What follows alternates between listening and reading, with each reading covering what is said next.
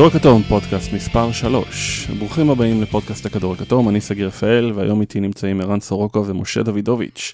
אנחנו הולכים לדבר על הבית הפסיפי. משה, מה שלומך? שלומי מצוין. אה, מה רגע השבוע שלך? אה, רגע השבוע שלי היה אה, לראות את אה, ספרד נגד אוסטרליה. אה, ככה שתי דקות מהסיום אפשר היה להצטרף, הספרדים היו במינוס חמש, ואז אה, רוביו וגסול והערכה ועוד הערכה. ואז uh, השחקן עם השם הכי קצר והכי קשה להגיע בעולם, סרחיו יויו, או מה שזה לא. יהיה. יוי, יול. תלוי מאיזה אזור בספרד אתה. אה, מאזור תקע מרוקו. שתי שלטות מאזור מרוקו. מסאוטה? יוי. מסאוטה? סתם. Uh, בקיצור, היה תענוג לראות uh, קבוצה של uh, שחקני NBA מול שחקני NBA שוליים, uh, והיה משחק uh, נהדר פשוט. Uh, טוב, אנדרו בוגוט, לא נסלחו. אה, אהרון ביינס דווקא, אבל בסדר. לא, גם בוגוט. ערן, מה שלומך? אה, בסדר גמור, ואני חייב להגיד שקיבלתי מחקר עומק, אה, ממש לפני מספר דקות שלפיו הבית הצפון-מערבי עומד לנצח בבחירות, ולכן ביטלתי את השתתפותי בבית הצפון-מערבי והגעתי לכאן לפודקאסט הבית הפסיפי. אה, רגע השבוע שלי, אה, גם הוא מן הסתם מאליפות העולם, הוא אה, ההפסד של האמריקאים לצרפתים ברבע הגמר. אה, באיזשהו מקום... אה, חשתי אמפתיה כלפי האמריקאים, כי הם קצת נקלעו לסיטואציה, אה, כפי שאמר אה, רבנו אה, דלת מדלי, מדלי, איך שקוראים לו, ו... הגאון. הגאון, ובכל זאת, היה איזשהו משהו שרצית שהם יפסידו בגלל הזלזול של אלה שלא הגיעו, כדי קצת להראות להם. עכשיו, באליפויות העולם הקודמות שהם הפסידו, 2002-2006, ידעת שזה היה מתוך זלזול של השחקנים שהיו שם. והפעם ידעת שמכיוון ששאר העולם מתפתח, והנה נבחרות אחרות כבר יכולות באמת להציל אלטרנטיבה, והרגע שמבחינתי סימן את, ה, את החלק הכי מעניין במשחק הזה, היה כשדונובין מיטשל נכנס לסל וחטף גג מהחבר שלו מיוטה, רודי גובר, ומשחקים ביחד כל חייהם, אה, כל חייו של מיטשל, ועכשיו הוא רואה איך זה לקבל, לקבל גג מגובר. תודה. מה, מה, מה הלך הרוח בארצות הברית? הם, הם, זאת אומרת, אני שומע מצד אחד שג'רי קולנג'לו הולך לסגור חשבון עם הכוכבים. אה, מצד שני ראיתי שקרי רוצה לשחק ב-2020 באולימפיאדה, כי הוא עדיין לא שיחק באולימפיאדה. האמת שאני, יש לי איזשהו טור באתר של ערוץ הספורט שיעלה מחר, שאני מנסה לחזות איך יראה הסגל, אני אעשה ספוילר אה, קטן, כי אני חושב שקרי יהיה בפנים, ואני חושב שמצד אחד קולנג'לו מאוד כועס על השחקנים שלו באו, מצד שני, הוא איכשהו השאיר להם בין השורות איזשהו פתח ל... אם תתחננו מספיק ותראו שאכפת לכם, אולי בכל זאת ניקח אתכם, אז לא הייתי סותם את הגולל על כל 750 השחקנים שהחליטו לפרוש תוך חמש שעות בדרך לסין. אוקיי, אני אגב, אני לא מסכים איתך כל כך, כי 2002 אני חושב שהנבחרת פשוט הייתה נבחרת גרועה. אה, 2006 אה, זאת הייתה נבחרת צעירה. ב- בתווך ב-2004 היה להם שם נבחרת שהייתה חייבת לקחת את הזהב. קווין גרנט משהו. טים דנקן, לא, 2004 זה לא. היה גרנט, זה היה דנקן, אייברסון, נכון. ועוד כל מיני שחקנים שאחר. כך הפכו לשח- לסרטנים בכל מקום, כן. ו- וכמובן את לברון, וייד ואנטוני, שכולם אחרי שנה אחת בליגה. טוב, אה, הרגע השבוע שלי זה אה, חצי גמר אה, ארגנטינה. אה, תסלחו לי, אני, אני, אני קצת התקשיתי לחבר לאליפות, אני אה, בעבודה, אה, ראיתי שני משחקים כל האליפות, זה שני חצי הגמר שהיו ביום שישי, אה, אבל לואיס קולה, פשוט שחקן ענק, לא נס לכו, גם בגיל 88, זה לא שאי פעם הוא היה אתלט גדול, אבל הוא תמיד ידע איך לשים את הכדור בסל, תמיד ידע איך לשים שחקנים על הגב. אה, שחקן מאוד חכם ובעיניי אה, אה, משהו ש, שהולך ו... ו זן שהולך ו, ונעלם. אגב ערן, אה, זאת אומרת גם ספרד שדיברו עליה כ, כמי שדור הזהב שלה הולך ונעלם, ארגנטינה שדיברו על זה כבר לפני 6-7 שנים, שתיהן בגמר, זה, זה קצת מפתיע. ארגנטינה, אגב, דור הזהב שלהם באמת כמעט נמחק, לא, לא נמחק, פשוט פרש לפנסיה, כולו חוץ מסקולה. באמת ראית שהשחקנים החדשים, אלה שפחות נחשבים דור זהב, כי הם לא ב-NBA, אבל הם כן שחקנים בליגה השנייה הכי טובה בעולם, שזה הליגה הספרדית, קמפצו, לפרוביטולה, גבריאל דק, וגם uh, חבר'ה אחרים אולי פחות מפורסמים לאוזן אה, של אוהד ה-NBA, אבל ראית שמדובר בשחקנים תאומים, ומעבר לכל בנבחרת עם פילוסופיה שיודעת מה חולשותיה, מה חוזקותיה, ומעליהם באמת סקולה שהרוח שלו היא מדבקת. האיש הזה סיים את העונה בסין, אם אני לא טועה, באזור מרס, ומאז באזור ארבעה חודשים הבן אדם מתאמן לבד, עם כמה מאמני כושר, אבל בלי שחקנים אחרים, פשוט כדי לשמור על כושר, זה נראה כמו איזה סצנה מתוך איזה סרט אמריקאי, באסם ענקי, שיש לו בתוכו מגרש, הארגנטינאים אמרו מבחינתנו זה כמו רוקי, כמו סרט רוקי. טוב, והספרדים עדיין, גם אם החצי שלא באו, עדיין יש להם כישרון אדיר. אוקיי. אה, תהיה איזה קבוצה שתחתים את אה, סקולה? אני נורא רוצה.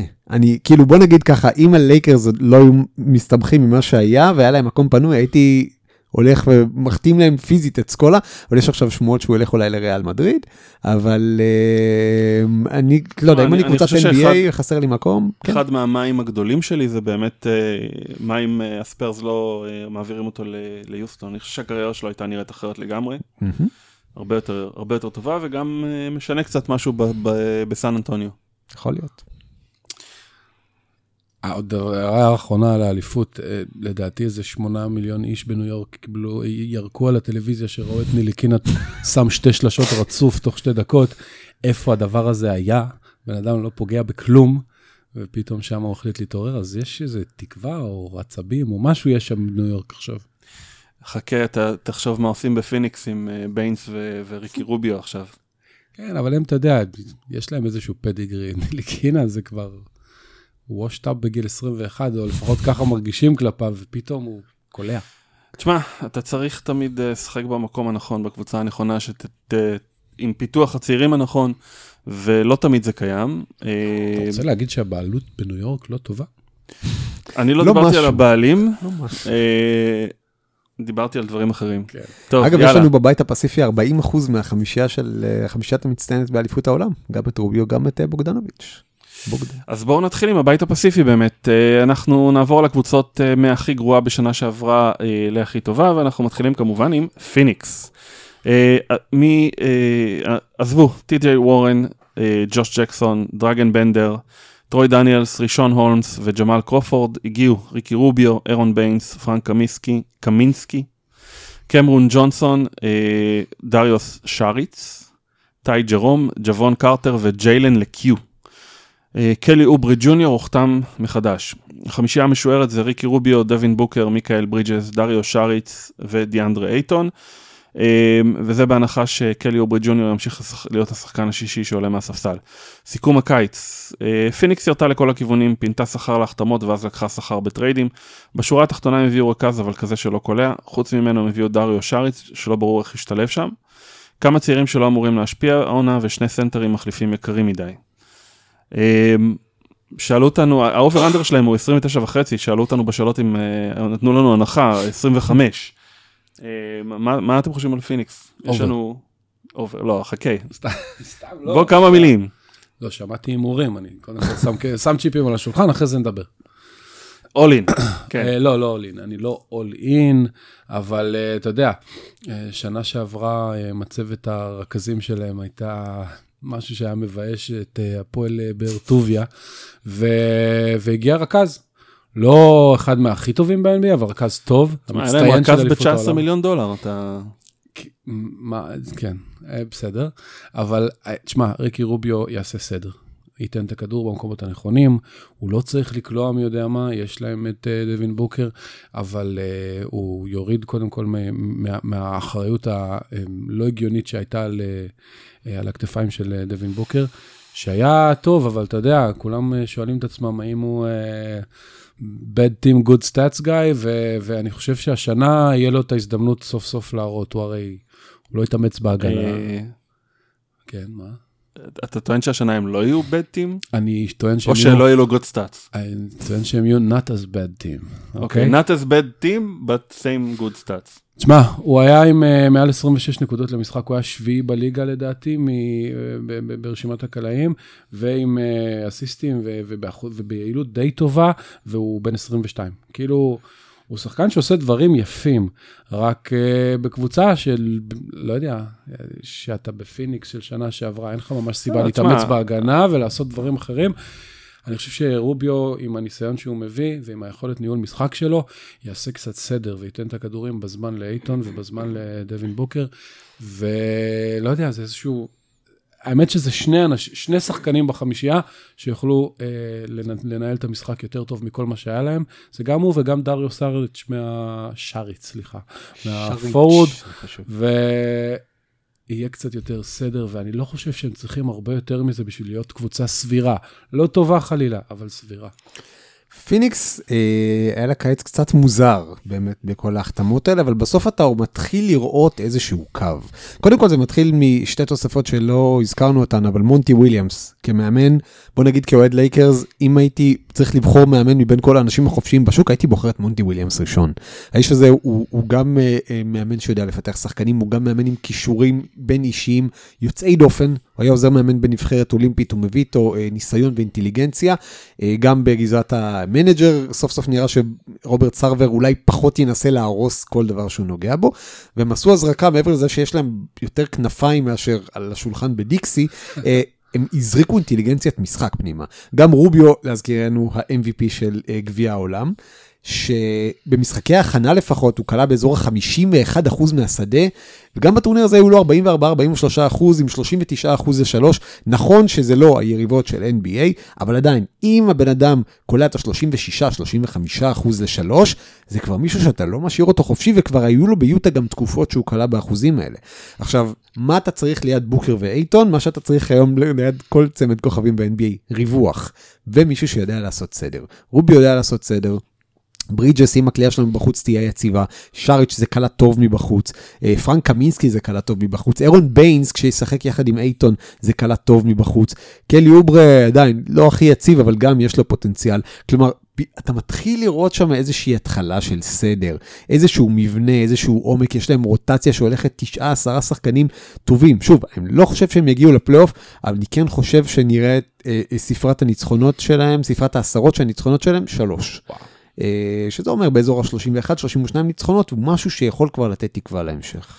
אוקיי, okay, יש לי שתי שאלות בהקשר לדברים שדיברת. קודם כל, מונטי וויליאמס אה, הוא ללא ספק אה, מאמן מוערך. אה, סליחה, עוזר מאמן מאוד מוערך, אה, מאוד אהוב על ידי השחקנים. אה, מצד שני, בתקופה שלו בניו אורלינס, אנחנו לא ראינו את הדברים שדיברת עליהם, פיתוח צעירים. אה, הם הגיעו בסוף התקופה לפלייאוף והוא פוטר אחרי סוויפ מול הווריירס, לא ברור למה. אה, זה ש... אז, אז, אז זאת אומרת, מה, מה ה sex appeal הגבוה שלו בתור מאמן שלא, אה, לא כל, אין לו איזשהו רזומה מאוד אה, מרשים בתור מאמן ראשי. קודם כל הוא עבר כל מיני סיפורים אישיים שמאוד חיזקו את מעמדו, הוא, הוא טיפוס אהוד, הוא היה שחקן אהוד, הוא היה, בוא נזכיר, מהאקדמיה של פופ. שהופך אותך אוטומטית לבן אדם אהוד ואינטליגנטי. אה, וכשאתה מסתכל על זה בסופו של דבר על כל הקדנציה של אנטוני דייוויס בניו אורלינס, אתה יכול לטעון שבעונה עם מונטי וויליאמס, שבה הם הגיעו לפלייאוף, כמו שאמרת, הפסידו לגולדן סטייט, אה, עם השלושה המטורפת שם של קרי מהפינה אחרי הריבאונד, אם אני זוכר נכון, הייתה באמת סדרת פלייאוף ממש טובה. אה, תשמע, היו שלושה משחקים, כן, משחקים יחסית צמודים, כן. משחק שלוש הם... הובילו 20 הפרש והפסידו בהארכה. אתה מסתכל על זה, אז לא, בשנה שהם הגיעו לפלייאוף ועברו סיבוב, אז היה להם סגל באמת כבר יותר טוב, וגם החיזוק של מירוטיץ'. באותה עונה עם דייוויס שהם הגיעו לפלייאוף, ואומנם עפו סיבוב ראשון, ראית את היכולות של מונטי וויליאמס אה, גם להקיף את דייוויס בצוות טוב, גם לדעת לתקשר עם כוכבים. אה, ואני חושב שבן אדם כזה, אתה גם מביא אותו בשלב כזה בקריירה, אני חושב שהוא בן 40 וקצת, 42, 43, אתה מביא אותו כדי שייקח את השלד הצעיר הזה ויצמח איתו. קצת אה, אנשים רוצים לעשות מה שעשה בזמנו אה, סקוט בוקס באוקלהומה סיטי, או קווין סניידר ביוטה, כלומר לקחת בן אדם שידע שעכשיו הוא מלווה את דווין בוקר ודיאנדרה אייטון, ועוזר להם לגדול, ועוזר להם לצמוח. באמת, הדבר הכי נכון לעשות זה להביא את השחקנים המנוסים יותר, לא הווטרנים שכבר נגמר להם הסוס, אלא בדיוק השאריצ'ים, והרוביואים, והביינסים שיוכלו לתת את הקשיחות ולתת את ההגנה, ולתת קצת שכל בתוך הגוף הצעיר והאתלטי של בוקר ושל אייטון. אוקיי, okay, אמ, אז, אז אני עם שתי שאלות המשך. שאלה ראשונה זה אמ, לגבי דווין בוקר. שנה שעברה ראינו איזשהו צעד אה, שהוא הולך יותר לכיוון של ג'יימס הרדן. אמ, זאת אומרת, second אה, guard שמנהל את ההתקפה, אה, ו scorer ראשי של קבוצה. זה לא עדיף על פני לשים לידו רכז ולהפוך אותו בעצם למה? למה אתה הופך אותו? אתה הופך אותו לקליי? אתה הופך אותו ל... זאת אומרת, האוהדים של פיניקס תמיד מפנטזים עליו כקרי הבא, לא כקליי הבא. כשהוא יצא מהדראפט, אה, היו הרבה השוואות החל מהמקום שבו הוא נבחר עד להיותו בן של שחקן עבר וכלה בגובה שלו, היו השוואות לקובי בריינט. ואנחנו מגיעים, וקובי בריינט זכה באליפות בעונה הרביעית שלו, ואנחנו עכשיו אה, בעונה החמישית של דווין בוקר, והוא לא יהיה קובי בריינט, אבל הוא יכול להיות אה, רק קלה טופ חמש, אם הוא לא כבר, אולי טופ שלוש בליגה. כלומר, בן אדם שכשהוא מקבל את הכדור ב spot שלו, הוא פחות צריך, אני, אני פחות רואה אותו הרדן. אני לא חושב שהוא צריך להוביל כדור ולנהל התקפות, הוא... שתהיה לו את היכולת הזאת, אבל שזה לא יהיה הדבר העיקרי שלו, כי בסופו של דבר הוא צלף אדיר, והוא יודע לקלוע מכל מיני מקומות, וראינו אותו מפתח משחק פוסט-אפ כבר בשנה שעברה, והוא חודר טוב, והוא אתלטי, באמת, יש לו את כל החבילה מבחינה התקפית, וצריך מישהו שייתן לו את הכדור בנקודות, במקום שהוא יצטרך לבזבז כל התקפה 5, 6, 7 שניות בלהוביל את הכדור ולעבור את החצי, עכשיו יש לו בן אדם שיוביל את הכדור ויעבור את החצי. שמע, הוא גם לא... הם לא ויתרו עליו בתור מוביל משחק. אה, רוביו ישחק 30-32 דקות למשחק. בשאר הזמן אני חושב שאנחנו נראה דווקא את אה, בוקר אה, מרכז ולא את איזה אלי או קובו, אני לא יודע מה יש שם מאחורי רוביו. אני חושב שכן הוא יקבל את ההזדמנות הזאת בשביל לפתח את הסקילס, אבל הוא, הוא, הוא לא הרדן, והשליטה בכדור והיכולת שינוי כיוון של הרדן זה עדיין לא הוא. אני חושב שזה מאוד יעזור לו אה, להתפתח כ second guard עם 10-15 דקות במשחק של אה, הובלת כדור, וזה מינון הרבה יותר נכון מאשר הכמות אחריות שהייתה על הכתפיים שלו שנה שעברה. אוקיי, אה, ה over under שלהם 29 וחצי, רן, אני מבין שאתה over, 31 אמרת? באזור ה-31-2 מאוד לא הפתיע אותי. אוקיי, משה? זה גבולי. וגאס עושים עבודה טובה. אה, לא, בדרך כלל. לא, כן. כן, לא, לא, לא אצל כל הקבוצות, אבל אה, פה אני... אני- אה, שמע, אם הם היו במזרח, הייתי לוקח את ה over בלי למצמץ. במערב של השנה זה הולך להיות קשה, אני מנחש באזור ה-27 עד 30, אז אני, אני אקח את ה under בקטן. טוב, אני, אני חושב שבהחלט אה, הולך להיות שיפור באיך שהם ייראו, אבל אני לא בטוח שזה יבוא לידי ביטוי, אני חושב שכן, יש שם עדיין אה, כאבי גדילה. אה, בעיניי, אה, ג'וש ג'קסון, אה, מרכיז קריס, דרגן בנדר, אה, הם כאילו נחשבים לבאסטים, אבל אני חושב שיש פה גם איזושהי אשמה של אה, פיניקס ב- בטיפוח צעירים, בגידול מאוד. שחקנים. לא קצת. אה, אתה הוא מפספס, אה, אפשר להגיד עליך שאתה מפספס בדראפט, אבל אנשים לא לוקחים בחשבון שלפעמים שחקנים ב- ב- במקום לא נכון, בקבוצה לא נכונה, ואני אפילו די מאמין שדראגן בנדר אה, יהיה ברוטציה של מילווקי. בוא, נג... בוא, בוא נגדיר את זה ככה, בוא נתחיל שם. יכול להיות. מרכיז קריס הוא לא פספוס. ג'וש ג'קסון לא מצד שני. זה הבן אדם שעשה את העבירה הכי לפלפית שאפשר לעשות, אם אני זוכר נכון, הוא ניסה להסתנן למתחם VIP באיזשהו פסטיבל רוק עם איזה פס מזויף. כאילו, אתה בן אדם, אתה עושה עבירה, איפה ה Jail Blazers של פעם? איפה העבריינים האמיתיים? איפה? התאומים מוריס? איפה הטומי מוריס? זה אפילו לא באזור חיוג של אה, מריו בלוטלי שפעם פרץ לתוך כלא נשים. טוב, לתוך. כן, הלאה. שאלה. שאלות, אה, טל נחום, אה, אוהד פיניקס ממורמר, כשרואים מה ביינס ורובי עושים באליפות, לאן הסאנס יכולים להגיע איתם בתרחיש האופטימי? אליפות. מקום 10-33 ניצחונות. אוקיי. אה, אני זורם במשה, אפילו מעלה את זה לאזור ה-35, 35, שוב, בתרחיש אופטימי. אני מאוד אוהב את ביינס, אני חושב שהוא שחקן שלא מקבל מספיק אהבה, הוא פיתח את המשחק שלו, הוא היום יכול לתת לך גם הגנה מתחת לסל, גם יציאה לקלעים, גם שלשות, גם ריבאונדים, גם מלחמה. אני חושב שבוסטון התגעגעו אליו אה, באיזשהו מובן, למרות שהוא פינה להם שכר.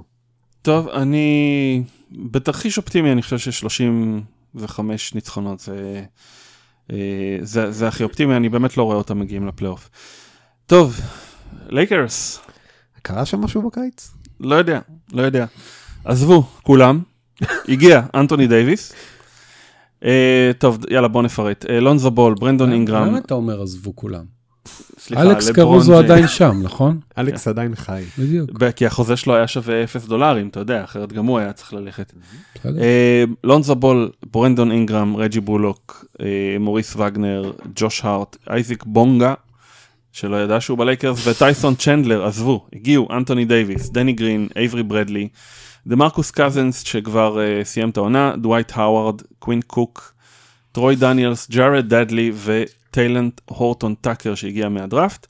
הוחתמו מחדש קנטביוס קולדוול פופ, יש הרבה שמות פה, יותר מדי, אה, ג'ווייל מגי, אלכס קרוזו ורג'ון רונדו. חמישייה משוערת, אני מאוד התלבטתי, אה, אני רואה שבהרבה מקומות שמים את לברון ג'יימס אה, כרכז.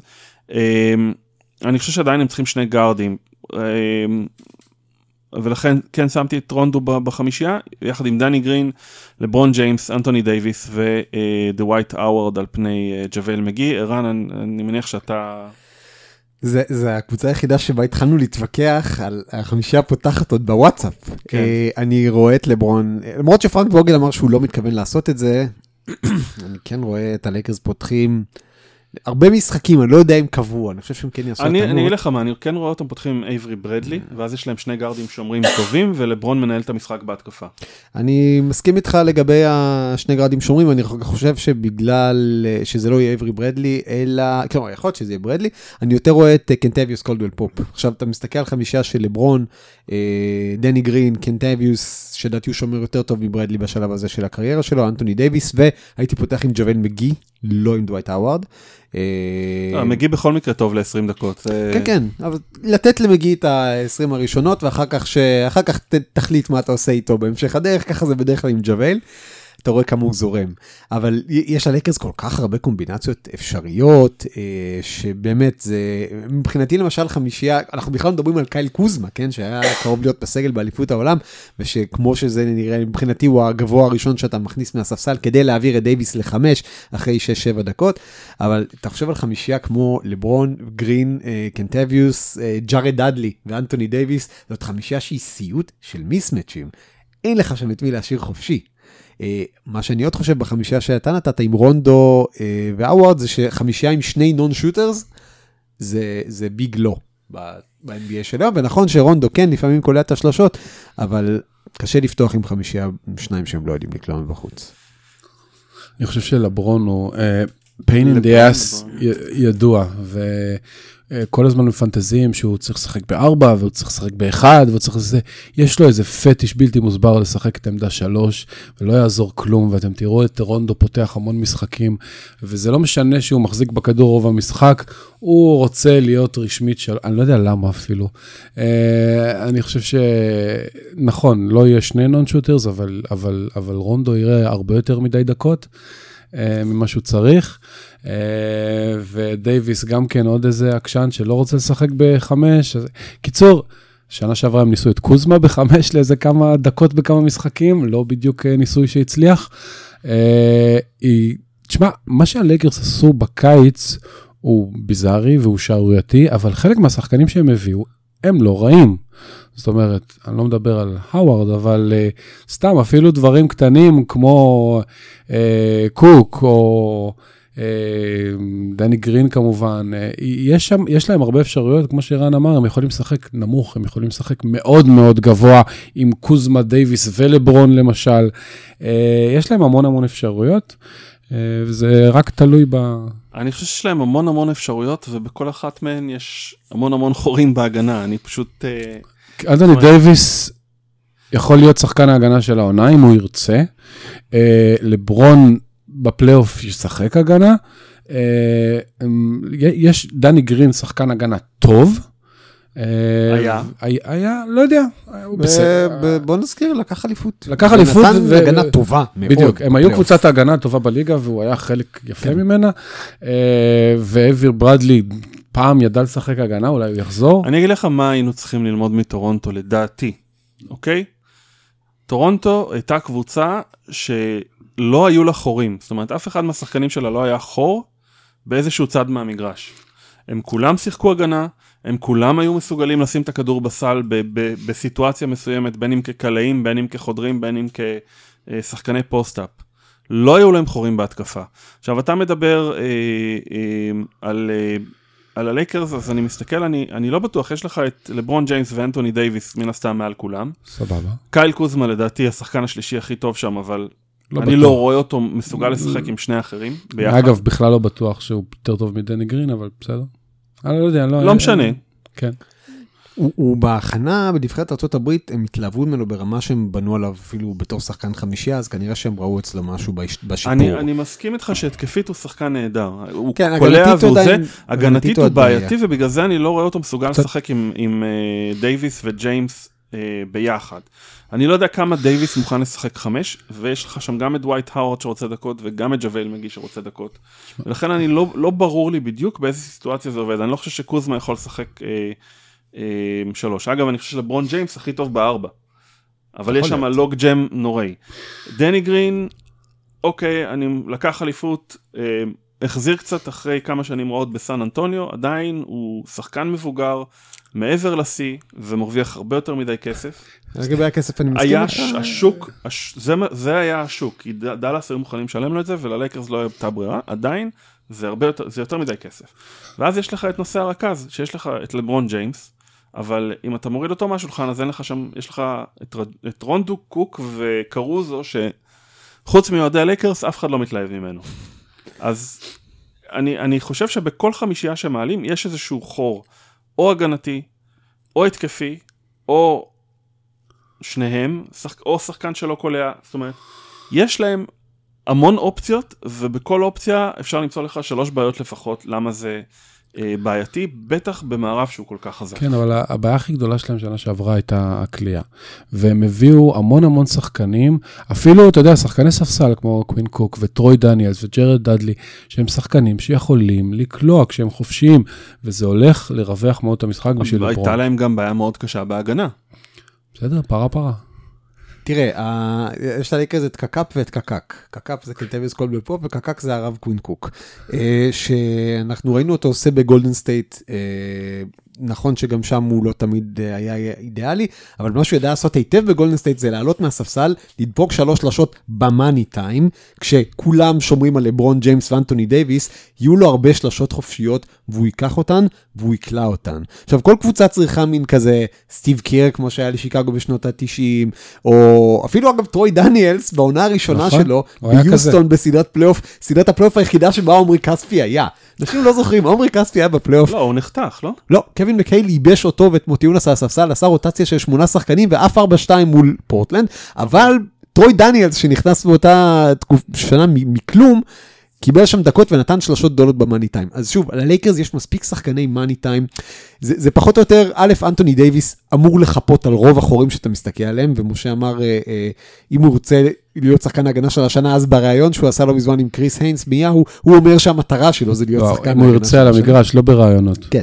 אז בינתיים בראיונות הוא רוצה על כן. המגרש אנחנו עדיין לא רואים, אבל הלייקרס יש, כמו שאמרת, כן, יש להם אה, חורים בכל אופציה, מצד שני יש להם גם מספיק כוח אש בכל אופציה כדי להמם אותך. הם יכולים לעלות מהספסל, ואם שחקן אחד לא עולה אז יבוא דניאלס, ואם דדלי לא עולה, ו- וקוזמה, באמת, יש להם שם המון המון המון דברים שאתה יכול לשחק איתם, ברמה של אתה זורק דברים על הקיר עד שמשהו נתפס, ומשהו ייתפס. אני לא יודע, אני, אני, שומע, אני שומע אותך זורק פה שמות של שחקנים שאתה בונה עליהם, וזה שחקנים שמסתובבים בליגה הרבה שנים על שכר מינימום, ויש לזה סיבה. זאת אומרת, קווין קוק, אני לא יודע איפה, איזה, איפה אתה ראית אותו קולע במאני טיים. סדרת הגמר, אני לא, חושב שהיינו את הסדרת הגמר. בסדרת הגמר הוא היה די, זאת אומרת, אם כבר הוא הוכיח בעיניי משהו, זה שהוא פשוט לא ברמה הזאת. היו לו משחקים שבהם, כשהיה צריך שלשה ברבע רביעי, קווין קוק סיפק אותה. היו לפחות שני משחקים כאלה. היו הרבה משחקים שהווריורס שמע. היו זקוקים לשלשה ברבע לא. רביעי והם לא... תראה, אני, אני מבין מה אתה אומר על קווין קוק ועל ג'רד דאדלי ושחקנים וטרוי כאלה. דניאלס. מצד שני, מצד שני, יש עוד שמות שם שהם לא שכר מינימום, וזה דני גרין, וזה אייברי ברדלי, וזה קזיז לפני הפציעה. זאת אומרת, ניסו להביא שחקנים גם שהם בכדורסל טובים. לא, תשמע, הבעיה של הלייקרס מלכתחילה הייתה שהם אה, חיכו לקוואי, וכשקוואי אה, הודיע שהוא לא בא, זה כבר היה מאוחר מדי. נכון. בסדר, זה עדיין היה טוב, זה היה הדבר הנכון אין ספק לעשות. שבאותו מצב הם עשו את הדבר הכי טוב שאפשר. עדיין, אני- בעיניי הסגל הזה הוא- אה, לחלוטין מאולתר. וזה עוד אה, וכאן לפני. שבפברואר הם יביאו את אה, איגואדלה או את אה, אני לא יודע מי, כי זה היה עוד יקרה. אז אתה יודע, אני זה... לא יודע כמה לאיגואדלה עוד יש לתת. שוב, לברון ואנטוני דייוויס לבד, זה שני שחקנים שאם אתה מקיף אותם בשלגיה ושבעת הגמדים, אתה עושה 42 ניצחונות. דייוויס, לא, לא, די, די, די, מספיק, לא, לא, ערן, אנטוני ערן, דייוויס- ערן. שנייה, אנטוני דייוויס זה שחקן שלבדו אתה מנצח, בשנה שעברה כולם. אמרו שלברון לבדו מספיק לפלייאוף. כן, אבל ואז הוא לברון נפצע, נפצע. כשהלייקרס היו במקום השלישי או הרביעי במערב, אבל לברון חזר כשהם. היו עדיין בתמונת לב- הפלייאוף. ואז זה היה אחרי שהוא ניסה להעביר חצי קבוצה בשביל להביא את אנטוני דייוויס. מג'יק ג'ונסון שכבר צרח על לוק וולטון, הסביר לכל השחקנים שהם לא צריכים ל... בוא נגיד, הלייקרס מבחינה ניהולית בשנה שעברה זה הקטסטרופה הניהולית הכי גרועה שראיתי ברמות האלה של ה-NBA מזה הרבה שנים. היה שם פשוט פיאסקו ניהולי מתמשך, ו... ואז מה שהספיק שם שניים שלושה הפסדים קריטיים בטווח של איזה שבוע שבועיים פירקו להם את העונה אבל כל זה לא היה קורה אם לברון ג'יימס לא היה נפצע לפרק הזמן הכי ארוך בקריירה שלו 17 משחקים בחוץ אך- וזה הפציעה הייתה כשאנחנו מפרקים אתכם בחוץ בחג המולד על הרצפה שלכם ב-25 הפרש. לא כי שוב אנשים שוכחים כמה העונה הזאת של הלייקרס השתבשה מאותו רגע של המשחק בחג המולד. תשמע, פציעות הם חלק מהמשחק. נכון, אבל פציעות אצל לברון ג'יימס לא היו חלק מהמשחק 15 שנה. אז איך אתה יכול, היו. אבל איך אתה יכול להיות בטוח שהשנה זה לא יהיה חלק מהמשחק? יכול להיות, שוב, אני חושב שהשנה יש ללייקרס אפשרויות ל load management, גם ללברון, גם לאנטוני דייוויס. ברגע שאתה יכול להעלות את קוזמה, שוב, זאת לא קבוצה שתנצח 67 משחקים. אתה צריך לנצח 50. 51, 52, כן. ולהיכנס לפלייאוף רצוי בארבע הראשונות, כן. ושם יש לך את לברון ג'יימס ואנטוני דייוויס. טוב, יאללה. זרקת מספרים. over under, 51 וחצי. אני הולך על under קטן באזור ה-50-51. אני אלך על אה, over קטן, אבל שוב, זה, אני מאמין שהם יעשו 53, 52, מקום 3, זה מספיק להם, אין צורך להתאמץ, הם, הם יודעים בשביל מה הם הוקמו. טוב, אני עם under גדול, 45. גדול.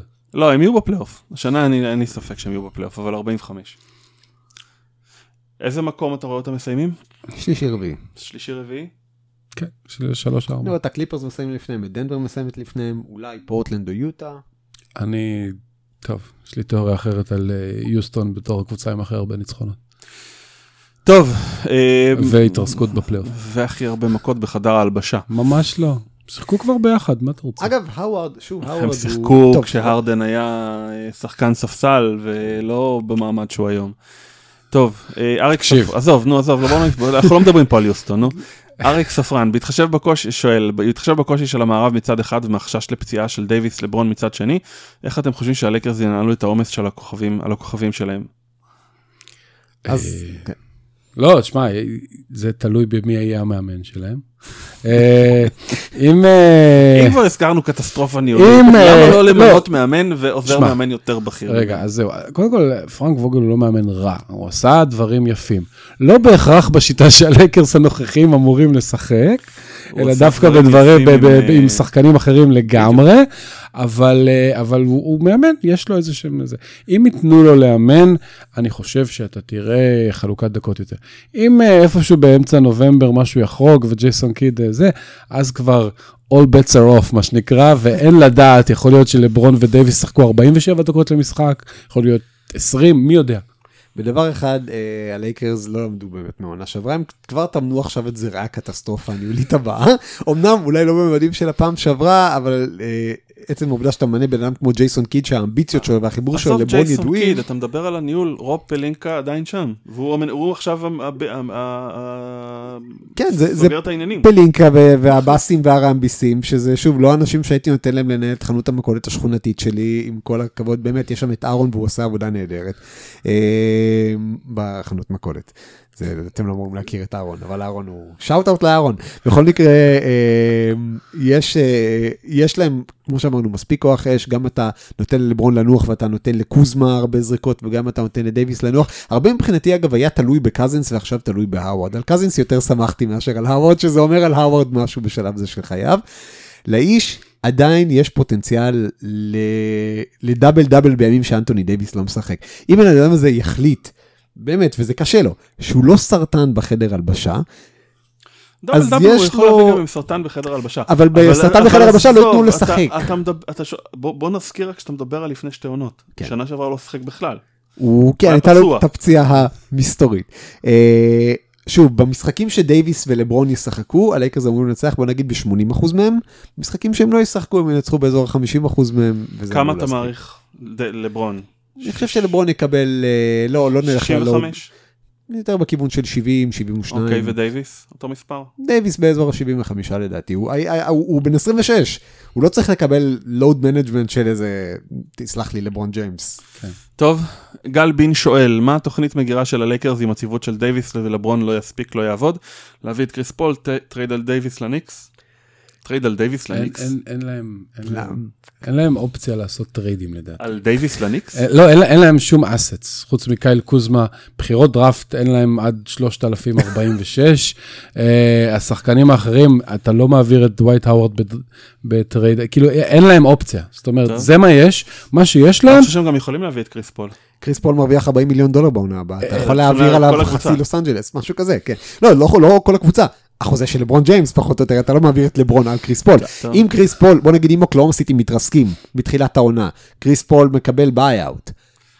אז, תשמע, 120 מיליון דולר buyout. לא יודע, אני אתה אוריד יודע, לכם את השכר מינימום שאני ארוויח בשנים האלה. אני, ייתנו לו 70 מיליון מתוך ה-120 מיליון, יורידו לעצמם מהתקרת שכר. אני לא רואה אותו מוותר על כסף. גם אני לא רואה אותו.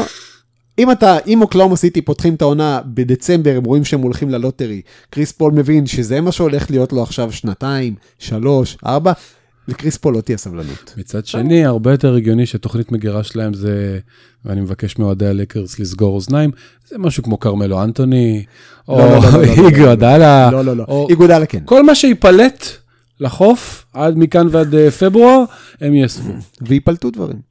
טוב. תמיד. אני, מההיכרות שלי עם המנהלים של הלייקרס, אני לא חושב שיש plan B. יש plan A all the time. תראה, זה אה, שיפור, כי עד היום לא היה להם plan A. זה לא רע. כן. או A. How do you spell plan? With a- זה היה- כן. קראו להם אל לייקרס, כי לא היה להם plan A. בדיוק. ניר בן דרור שואל מה הסיכוי שבסוף הקריירה לברון פתאום ילמד לשחק עם גבוה משמעותי. אני חושב שזו שאלה שקצת מעליבה את אה, בוש. ומעליבה את קווין לאב, שהיה לא ברמה של Hall of Famer, אבל כן היה גבוה משמעותי באליפות של 2016, הם לא לוקחים אליפות בלעדיו. טוב, אה, נפתלי בר, over under 50 משחקים שלברון ודייוויס משחקים ביחד ולא נחים לחוד. over, over. over. טוב. אממ, מהלייקרס אנחנו עוברים לקינגס. אה, עזבו, אלק ברקס, קוסטה קופוס, ווילי קאולי סטיין ופרנק מייסון הגיעו, דווין דדמון, דוויין דדמון או דווין דוויין. דד- דוויין דדמון, טרוור אריזה, קורי ג'וסף וראשון הולמס. הוחתמו מחדש הריסון בארנס, חמישייה משוערת, דיארון פוקס, באדי הילד, הריסון בארנס, מרווין בגלי ודוויין דדמון. אחרי עונה מוצלחת, הקינגס עם עוד קיץ שהפרשנים מתקשים להבין אותו. זה התחיל בפיטורי המאמן והחלפתו בלוק וולטון. הם החתימו מחדש את הריסון בארנס על הרבה יותר מדי כסף, והביאו את דוויין דדמון וראשון הולמס במקום ווילי קאולי סטיין. טרוור אריזה אה, לא ממש למד שום דבר מהחתימה שלו בפיניקס שנה שעברה, ושוב חתם בקבוצה תחתית. אה, וגם קורי ג'וסף מצטרף, שום החתמה נוצצת, שום דבר. מה מה זאת אומרת לא למד? הוא למד שהוא יכול לקבל מלא כסף ולא לעשות כלום, ואז הוא הלך עם זה all in. מה זאת אומרת לא למד? אז זה מה שהוא למד? בוודאי. מה אתה רוצה בגיל 35 שהוא יעשה? אם לא לקבל 12 עד 15 מיליון לעונה ולעשות מעט. טוב.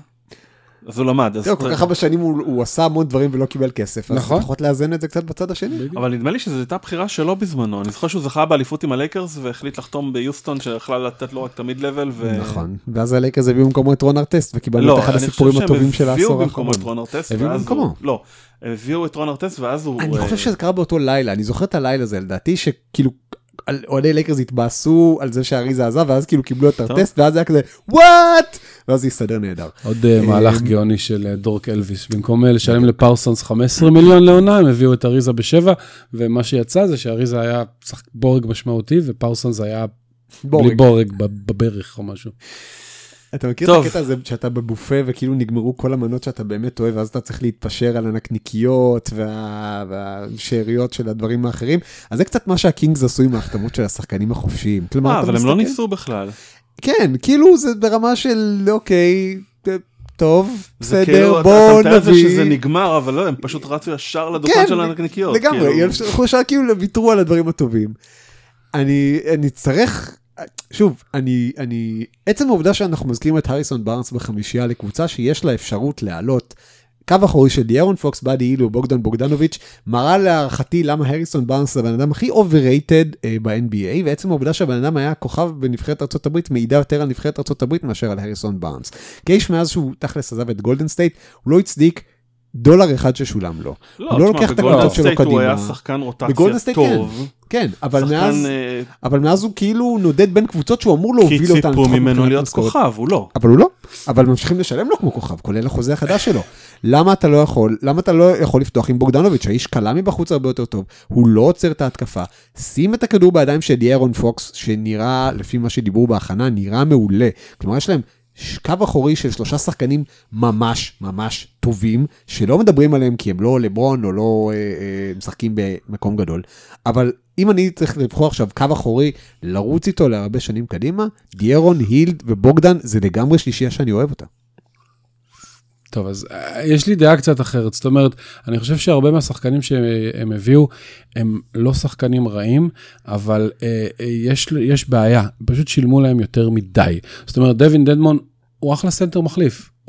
פשוט לא ב-13 מיליון, ב-8 מיליון הייתם אומרים, וואו, החתמה טובה. אה, אה, אותו דבר עם אה, קורי. ג'וזף. קורי ג'וזף לא אמור לקבל 9 מיליון או מה שהוא מקבל, מהראש 13 שאני אני מדבר. חושב, לא? לא זה חוזה שעולה, משהו לא, לא, לא הגיוני, אבל אם הם מביאים אותו בחמש-שש, הם אומרים, וואו, אחלה של רכז מחליף. אפילו הריסון בארנס, שאגב ישחק לא מעט דקות בארבע לדעתי, עם בגלי בחמש, אנחנו נראה איך זה יעבוד. הריסון בארנס, הוא לא היה רע, גם בשנים בדאלאס, הוא לא היה רע, הוא פשוט לא היה שווה 100 מיליון. אז יצא לו שם, אם הוא היה מוחתם על 12 לעונה לארבע עונות, כולם אומרים, לא, לא, אחלה שחקן, נחמד. מאוד. בתור, בתור מועדון קטן, ושהניהול ידוע בניהול גרוע, אתה חייב לעשות overpay, אין לך ברירה. אז את ה overpay אני מצליח להבין. השאלה היא, נניח, אה, אם יש לך את, הר, את מרווין בגלי, אפילו או- ראשון יש, לציון הולמס. שנייה, יש לך, את, כן. יש לך את בגלי ויש לך תוכניות לשחק עם הריסון בארנס כארבע. כן. למה אתה מביא גם את דוויין דדמון וגם את ראשון הולמס? תשמע, קודם כל הם, אה, היהודי. עזב אותם, קאולישטיין, והם אה, נלחצו, והם לא- הארי ג'יילס זה בעיה, הוא שחקן הם לא נהדר. נלחצו אגב, הם לא, הם, הם לא רצו אותו. הם לא רצו לא, לא, אותו. אני יודע, אני מתכוון, הם נלחצו, כי ארי ג'יילס, אה, זה, זה, הוא, אה, ויש הוא שחקן. נהדר, רק שבכל רגע נתון הוא יכול כאילו לפרוק כל איבר שהוא בגוף, ו- ו- ולהיות מושבת לחודשיים, כאילו יש לו היסטוריה מאוד קשה של פציעות, זה בעיה. אם הכל יעבוד סבבה, אז, אז הם overpaid לסנטר מחליף, ואם לא, אז יש להם גיבוי. עכשיו שוב, אני עדיין חושב שהכישרון, לא רק של דיאארון פוקס ובוגדנוביץ' והילד, אני גם מאוד מחזיק מבגלי, שייתן 20-10 העונה לדעתי, ויש להם אחלה של דבר, ואגב, מבחינת משכורות, אחרי כל ה overpay הזה, בדקתי היום, הם אה, שלישי מלמטה בליגה. הבעיה היא שעוד מעט תכף תכף הם יצטרכו להתחיל לשלם לבאדי הילד, ואחר כך לפוקס, ואחר כך לבגלי, והם אז- ייכנסו לבעיה מאוד אז, קשה. אז טל נחום שואל אותנו, הקינגס בעמדה בעייתית כ- כיוון אה, שהילד ובוגדנוביץ' זכאים להארכה.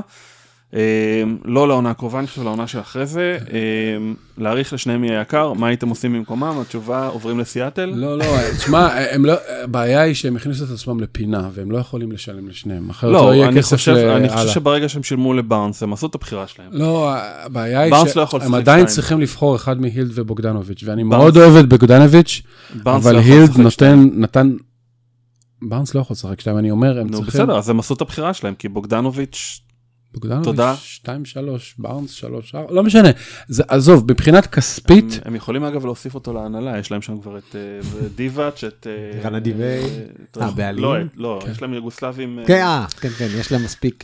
כן. ברגע שאתה נאלץ לבחור בין הילד לבוגדנוביץ', עם כל ה, באמת האהבה שלי לבוגדנוביץ', הילד נתן עונת כליאה היסטורית. לא, בסדר, אני, אני היסטורית, איתך. והוא, ו, ובגלל שהוא הולך להיות פחות או יותר השחקן הכי אה, טוב אה, בקיץ הקרוב, השממה והמדבר שיש שם מבחינת פרי uh, אייג'נטס, הוא הולך לקבל גם כן overpay, הוא יקבל איזה 90 מיליון לארבע עונות או משהו כזה, או קרוב ל max אפילו. ואז יגלו שהוא בשנה יותר מבוגר ממה שחשבו. שנה יותר מבוגר מאיבאקה. דיברתם על הקטע שכשאתה שוק קטן אתה חייב לעשות overpay, ואני מסכים איתכם, רק שבמקרה של הריסון בארנס הייתי עושה non pay, כלומר לא הייתי מציע לו חוזה כזה, לא, לא, שכובל את היכולת שלך להאריך את החוזים של פוקס, הילד ובוגדנוביץ'. כלומר, אתה יודע מה?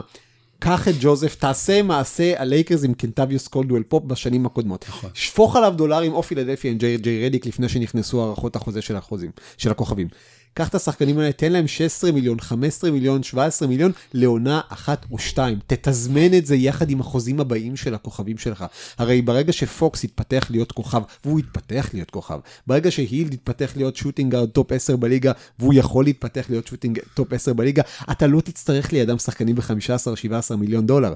אבל זה מה שהם נתקעו איתו עכשיו עם החוזים של ג'וזף, ושל דדמון, ושל בארנס, ו- נכון. ו- וזה לא טוב.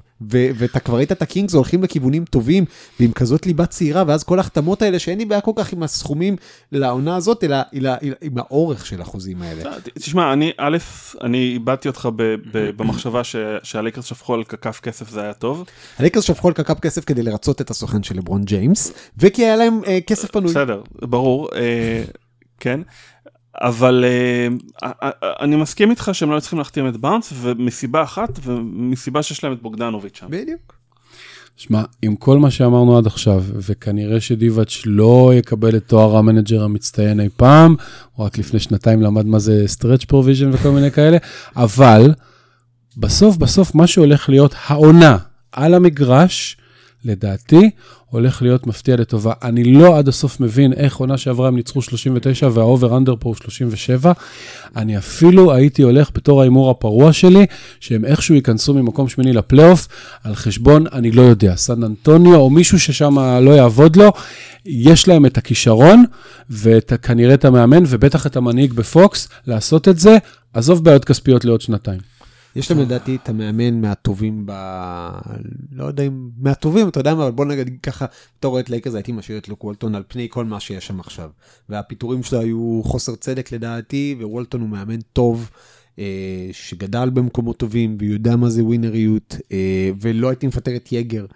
אגב, מסקרמנטו אמר אה, דוק ריברס או ספולסטר, אמרו עכשיו ש... עזוב, הם לא הסתדרו שם. לא, לא הסתדרו, ברור ששם זה היה על רקע אישי ולא על רקע מקצועי, אבל באמת, יש להם שם שלד... הקבוצה האחרונה שפיטרה מאמן על רקע אישי ולא מקצועי די הצליחה. אה, כן, אבל אה, אגב, לא, לא יודע אם האחרונה, אבל כן, זה במקרה שלכם זה הלך לא רע. אה, אני כן, אני מסכים לגמרי עם משה, יש להם שם כישרון, ואם ההחתמות החדשות לא יפריעו, ואם אריסון בארנס לא יתקע להם שם דברים, זאת קבוצה שיכולה בכיף להשתפר מהעונה שעברה. טוב, אני, אגב, אם הריסון בארנס יקלע שלושה שתביא לווריורס אליפות ב-2016, אז לדעתי הוא שווה את הכסף הזה. אבל הוא לא. אבל זה לא יקרה, כן. או כל שלושה שהיא ב-2016. כן, over under, 37 וחצי ניצחונות. אני ב over, זה הולך להיות, זה ההימור הפראי שלי, אני יודע שזה מערב וזה, וכולם התחזקו, ויש רשימה של עשר קבוצות לפניהם. אני מרגיש איפשהו, שמקום שמיני זה שלהם, ויתפרקו שם מישהו, אני לא יודע מה. כמה ניצחונות? למרקוס אולדריץ' יגלה שהוא זקן, או משהו יקרה, והם יגנבו. מספר, מספר. 41, 42. לא, 43 אפילו, בוא. אני בין 40 ל-42, אני לא יודע אם זה יספיק למקום שמיני, זה יספיק למאבק עד הסוף, עד הפלייאוף, ולדעתי קבוצה שישנאו לשחק נגדה, כי היא תעשה לכולם את המוות בהרצה מפה לשם. טוב, אני גם הולך עם ה over, אני חושב שהם, אני, אני, אני הולך, אני זורם איתך על הפלייאוף. טל קינן שואל, סקרמנטו נראו מבטיח בעונה הקודמת, אבל מצד שני החליפו מאמן בקיץ, אם אתם חושבים שסוגלים לעשות התקדמות, אז כן, אני חושב שענינו על זה. אה, ואם זה יספיק לפלייאוף במערב, אז אה, גבולי, גבולי, גבולי, יהיה בסדר. אה, טוב, בואו נעבור לקליפרס, קבוצה... שם קרה משהו בקיץ? קליפרס? עזבו. דנילו גלינרי, ווילסון צ'נדלר, גארט טמפל, לוק אמבה אמות, שי גילג'ס אלכסנדר, טיירון, טיירון וואלאס. הגיעו קוואי לנארד, פול ג'ורג', מו הרקלס, פיונדו קבנגלה, טרנס מן, הוחתמו מחדש פטריק בברלי, איביצה זובץ, רודני מקרודר, אה, שדרך אגב זה היה מהלך גאוני, הם אספו אותו מה waivers כאן. ביום האחרון של העונה שעברה עם זכויות בירד, אה, במחיר מצחיק, אה, וג'מייקל גרין. אני קורא את הרשימה הזאת וחושב לעצמי איזה שם מגניב זה טרנס מן. חמישייה משוערת, פטריק בברלי, לנדרי שמט, פול ג'ורג', קוואי לנארד ואיביצה זובץ. הקליפרס עבדו קשה מאחורי הקלעים כדי להביא את קוואי והם משכנו את כל העתיד של הקבוצה עליו ועל פול ג'ורג'. הם הוסיפו את מו הרקלס והצליחו להחזיר חלק משמעותי מהסגל המסייע שהיה להם בשנה שעברה. עכשיו, בניגוד לשנה שעברה, לצוות הזה יש למי לסייע. הקבוצה שגנבה לגולדן סטייט שתי משחקים קיבלה שני כוכבים שאמורים לסחוב אותה גבוה למעלה. קרה שם משהו בקיץ? Uh, תראה, הקליפרס זה uh, בעיניי כאילו להגיד שהם הסיפור הגדול של הקיץ מן הסתם יהיה understatement, לא בשביל זה הבאתם אותי, אבל uh, יש משהו מרתק בזה שאתה חושב על זה, ואם לא היו יוצאות הקלטות של דונלד סטרלינג, שהקיץ חגגנו להם חמש שנים בסדרת פודקאסטים ב-ESPN, יכול להיות שעד היום היה שם ניהול מחורבן. והסיפור הזה של סטרלינג, לא רק שהוא היה קו פרשת מים בליגה, הוא הפך אותה מקבוצה הכי מקוללת ב-NBA לקבוצה שאולי מנוהלת הכי טוב ב-NBA היום. אני לא יודע אם, אתה יודע, אין להם עדיין את הקבלות, ומן הסתם יש את גולדן סטייט, אבל אתה מסתכל על זה, כמו שאומרים בקבוצת כדורגל יש לך את השלד של שוער בלם קשר מגן. הם לקחו מגולדן סטייט את ה... בדיוק אתה מסתכל על קבוצת כדורגל אתה אומר שוער בלם קשר חלוץ. אם אתה מסתכל על בעלים manager יועץ מקצועי מאמן. כל הרביעייה הזאת לקליפרס זה הכי טובים אולי ב-NBA. מתחיל מבלמר מבחינת הכיסים הפתוחים שלו לג'רי ווסט ללורנס פרנק לדוק ריברס זאת רביעייה אוהדי כדורסל ימשכנו את הבית שלהם וימכרו את בני משפחתם בשביל לקבל אותה. ו- ואתה אומר, כשיש לך כזאת תשתית, אז אתה סומך עליהם שיהיה בסדר, ובאמת כל קבלת החלטות שלהם בקיץ האחרון, כל החתמה מלמיליאן וכל re-sign uh, uh, דובדבן. באמת, פשוט קבוצה מדהימה, יש להם חמישייה אדירה שאתה לא מסוגל בכלל לעבור אותה בהגנה, ואז מהספסל עולים לך קומבינציית guard center הכי טובה אה, שיש לך בליגה מהספסל. בוא, אז, אז בוא, בוא, בוא אני, אני אשאל אותך... יש לי תחושה שהוא אוהב את מה שהם עשו. אה, קצת. יש לי תחושה שלא יודעים שהוא אוהד לייקרס. אה, בוא אני אשאל אותך, יורדים על הלייקרס כל כך הרבה על זה שהם משכנו את כל העתיד שלהם בשביל אנטוני דייוויס, אתה לא שומע את אותו, אותו טון כלפי הקליפרס. כי דייוויס... והקליפרס נתנו יותר. לא, אה, אה, טוב. הקליפ, קודם כל הלייקרס נתנו גם שלושה שחקנים אה, צעירים שיכולים להיות ממש טובים. בדיוק. בדיוק. אה, ושנית, למשכן עבור שחקן שמסיים חוזה בעונה הקרובה, זה לא כמו למשכן עבור קוואי ופול ג'ורג' שיש לך אותם לפחות לשנתיים וששניהם כרגע ב prime. כשלייקרס יש כוכב אחד שהוא ב prime וכוכב אחד שהוא יוצא מה prime. אז זה, זה ההבדל מבחינתי. לא, זה גם, אתה יודע, כמו שהוא אמר, הלייקרס ויתרו על שחקנים צעירים שיכולים להיות טובים מאוד. מה שהקליפרס ויתרו עליו בסופו של דבר, זה דנילו גלינרי בעונה האחרונה. לונזו בול. כן. לונזו בול, לדעתי כשלונזו בול... סליחה, מול שי גילג'ס אלכסנדר? אני לוקח את לונזו בול כשהוא נועל לא כפכפים, כן, כשהוא מגיע למשחק בכפכפים. בשקף כפים, אחרי שעקץ אותו קיפוד ים, אני לוקח אותו לפני שי גילג'ס אלכסנדר, ודי כבר עם השקר הזה שלונזו בול הוא שחקן לא טוב, כי whatever לא יסתדר לו. אני אומר לך שלונזו בול ואינגרם יכולים גם לראות אולסטאר בעתיד שלהם, ושי גילג'ס אלכסנדר הוא מאוד מאוד נחמד, אבל קצת נסחפו איתו מאוד שנה שעברה. אני לא אומר שהוא בלוף, אבל נראה העונה, האם זה יכול להמשיך, הוא בסדר גמור, אבל בסופו של דבר, זה מה שהם ויתרו עליו. שי גילג'ס אלכסנדר והעונה האחרונה של דנילו גלינרי. כל מה שההנהלה הזאת עשתה בשנתיים שלוש האחרונות, הוביל לערימת נכסים הבלתי נתפסת שהייתה להם בשביל לעשות את ה master stroke של עכשיו. זה כמו שתמיד מספרים על איך הטרייד של הרדן עבדו עליו שלוש שנים קודם וזה, זה מה שהם עשו. ולכן, במקום למשכן את כל הבית והחצר ואת השכונה, כמו שעשו הלייקרס, הקליפרס, הם uh, נשארו עם לו וויליאמס, ונשארו עם פטריק בברלי, ונשארו עם uh, uh, uh, מונטרז הראל, וזובץ, וממש המון המון המון דברים מסביב. ויש להם גם בחירת דראפט שהם יכולים לתת. לא, וזה לא נראה, ואתה לא שואל, רגע, שנייה, מי זה קווין קוק, ולמה ג'רד דאדלי עדיין בליגה? יש להם ממש שחקנים. שמשחקים כדורסל. אני, אני, אני, לא, אני רוצה להחזיר אותך חצי שעה אחורה, כשערן פה דיבר בהתלהבות על, אה, על הרב קוק ועל אה, טרוי דניאלס ו, ו, ועוד שמות. וזה, שזה... וזה יותר טוב, בהרבה. זה יותר טוב.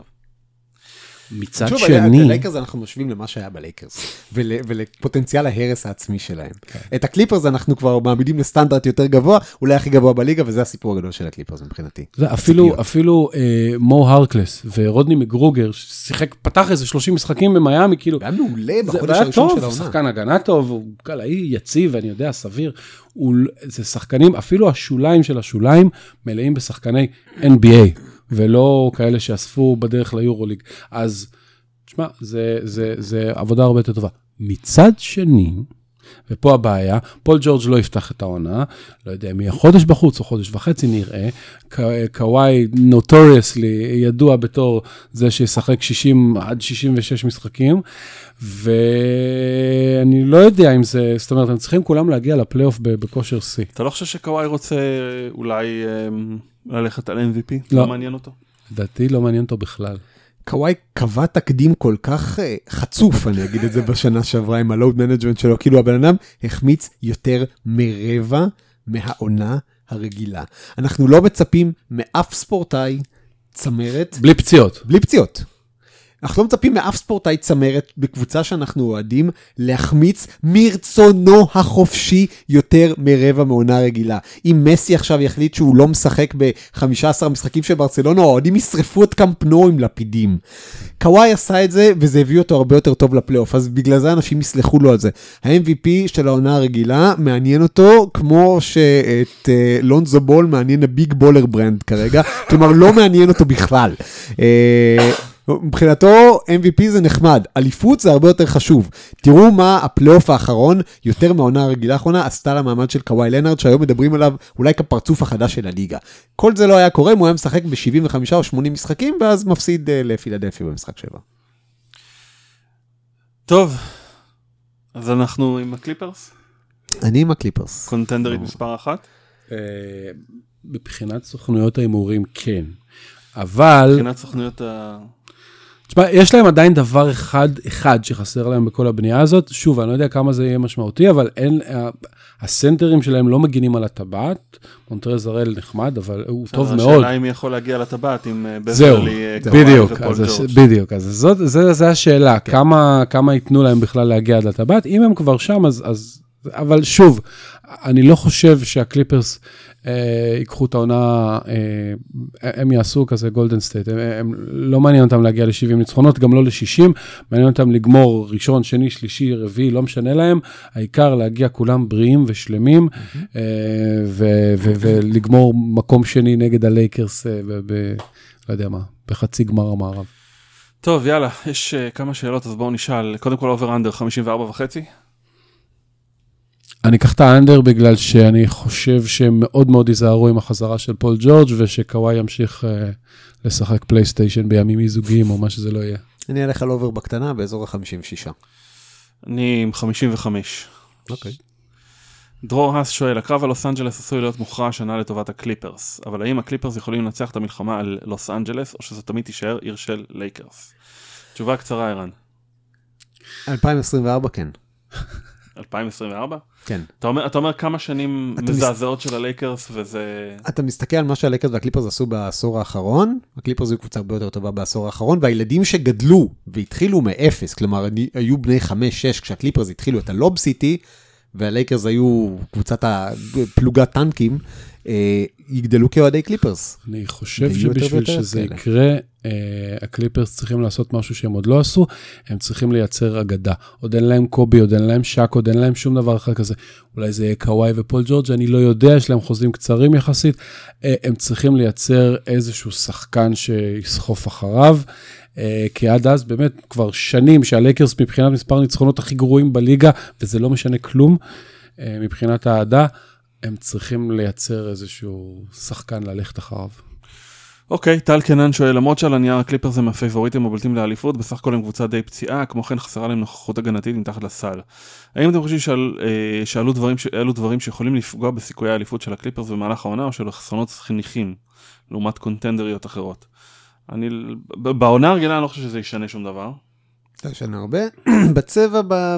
כן, אני, אני כן מסכים, אם הם משה, פוגשים ש... את רודי גובר, נניח. אני או- מסכים, משה, שגובר מול זובץ אה, סוג של נוקאוט, אבל שוב, יהיה קשה מאוד להגיע שם לטבעת. אה, אגב, זובץ הוא, הוא, הוא סנטר הגנתי לא רע, ויש לו פוטנציאל להתפתח. אבל הוא לא rim ו- protector. הוא לא rim protector ברמה של גובר, הוא כן אתלטי, הוא כן 2.15 או 2.16, אם אני כן. זוכר נכון, כלומר, יש לו נתונים פיזיים, והוא גם נמצא במערכת שתדע לפתח אותו, ואם לא, אז הארל, הוא אמנם, שוב, הוא, הוא נמוך, אבל הוא, הוא כדור באולינג כזה, הוא קצת מחליף ש- כמו הקליפ של מיילי סיירוס, הוא פשוט בום, כזה עף לתוך הסל. אני חושב שהארל לא יכול להיות protector, אבל יש להם. שחקנים שהם שמים גוף.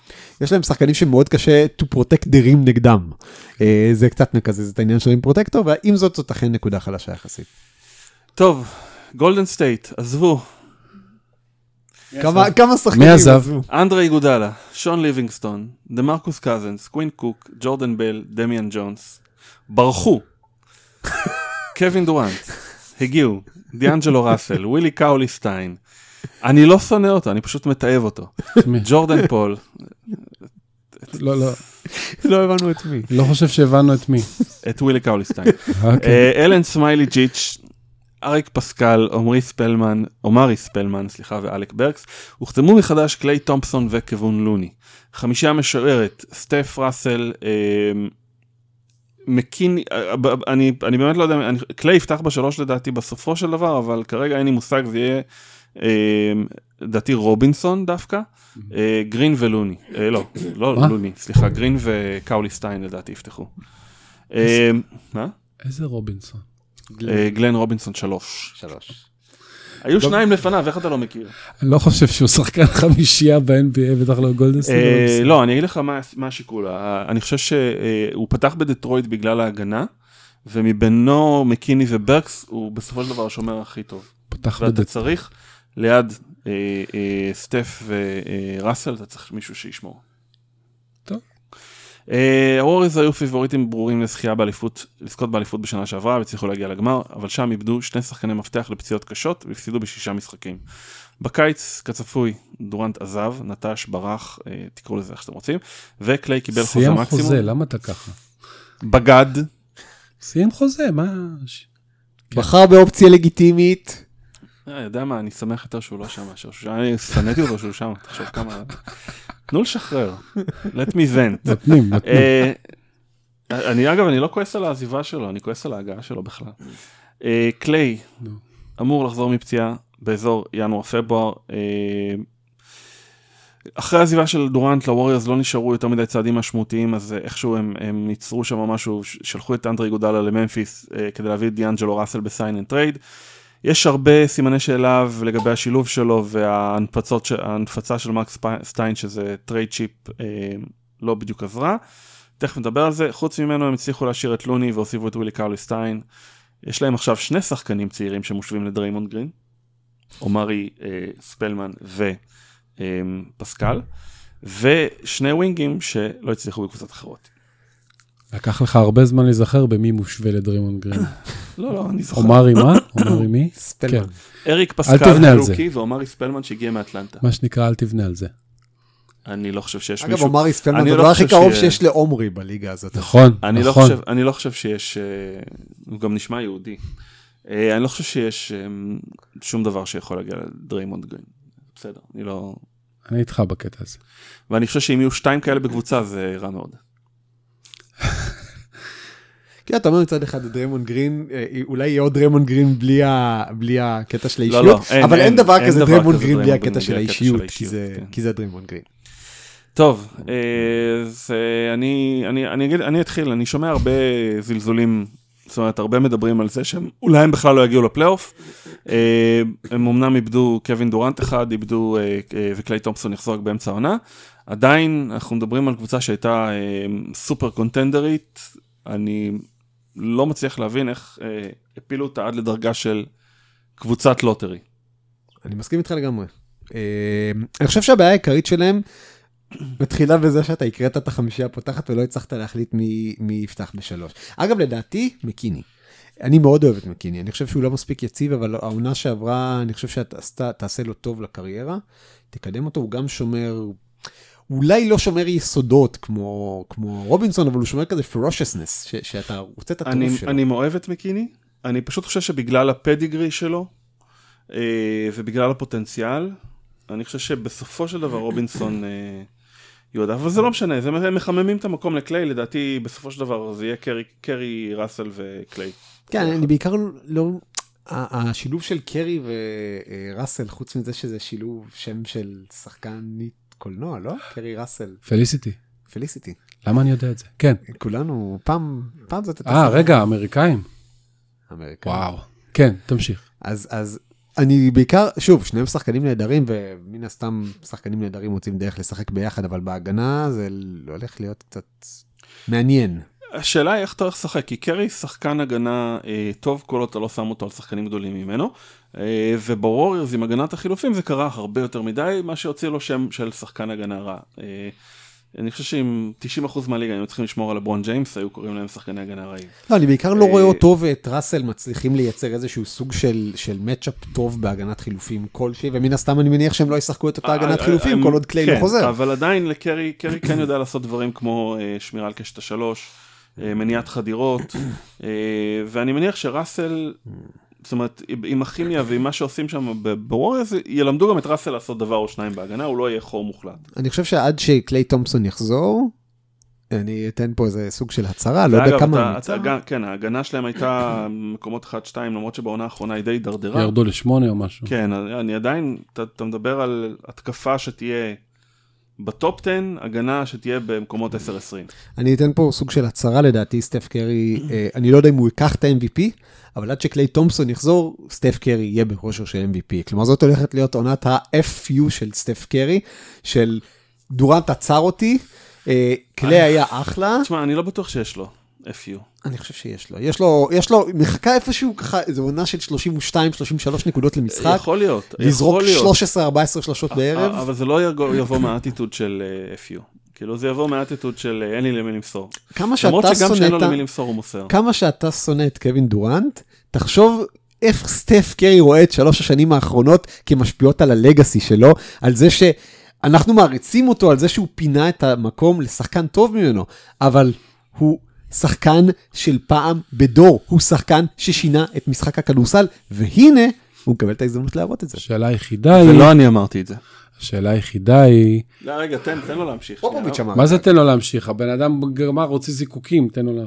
לה- עוד להמשיך פה זה כבר אה, להביא מטלית. תקשיב, ה- ה- השאלה היחידה היא, מה קורה? איך אתה תמיד מגיע לשם? כן. חכה, עוד לא הגענו לבדיחות שואה. אך, אה, אנחנו, השאלה היחידה זה איך זה יקרה בלי קליי על המגרש. כי קרי וקליי ביחד, אז זה משהו שעובד קשה. כשכל ההגנה יכולה להתרכז בו, ואני לא קונה את השיפור הגדול של דיאנג'לו ראסל כקלעי, הוא לדעתי קלעי בינוני מבחוץ, אבל נראה.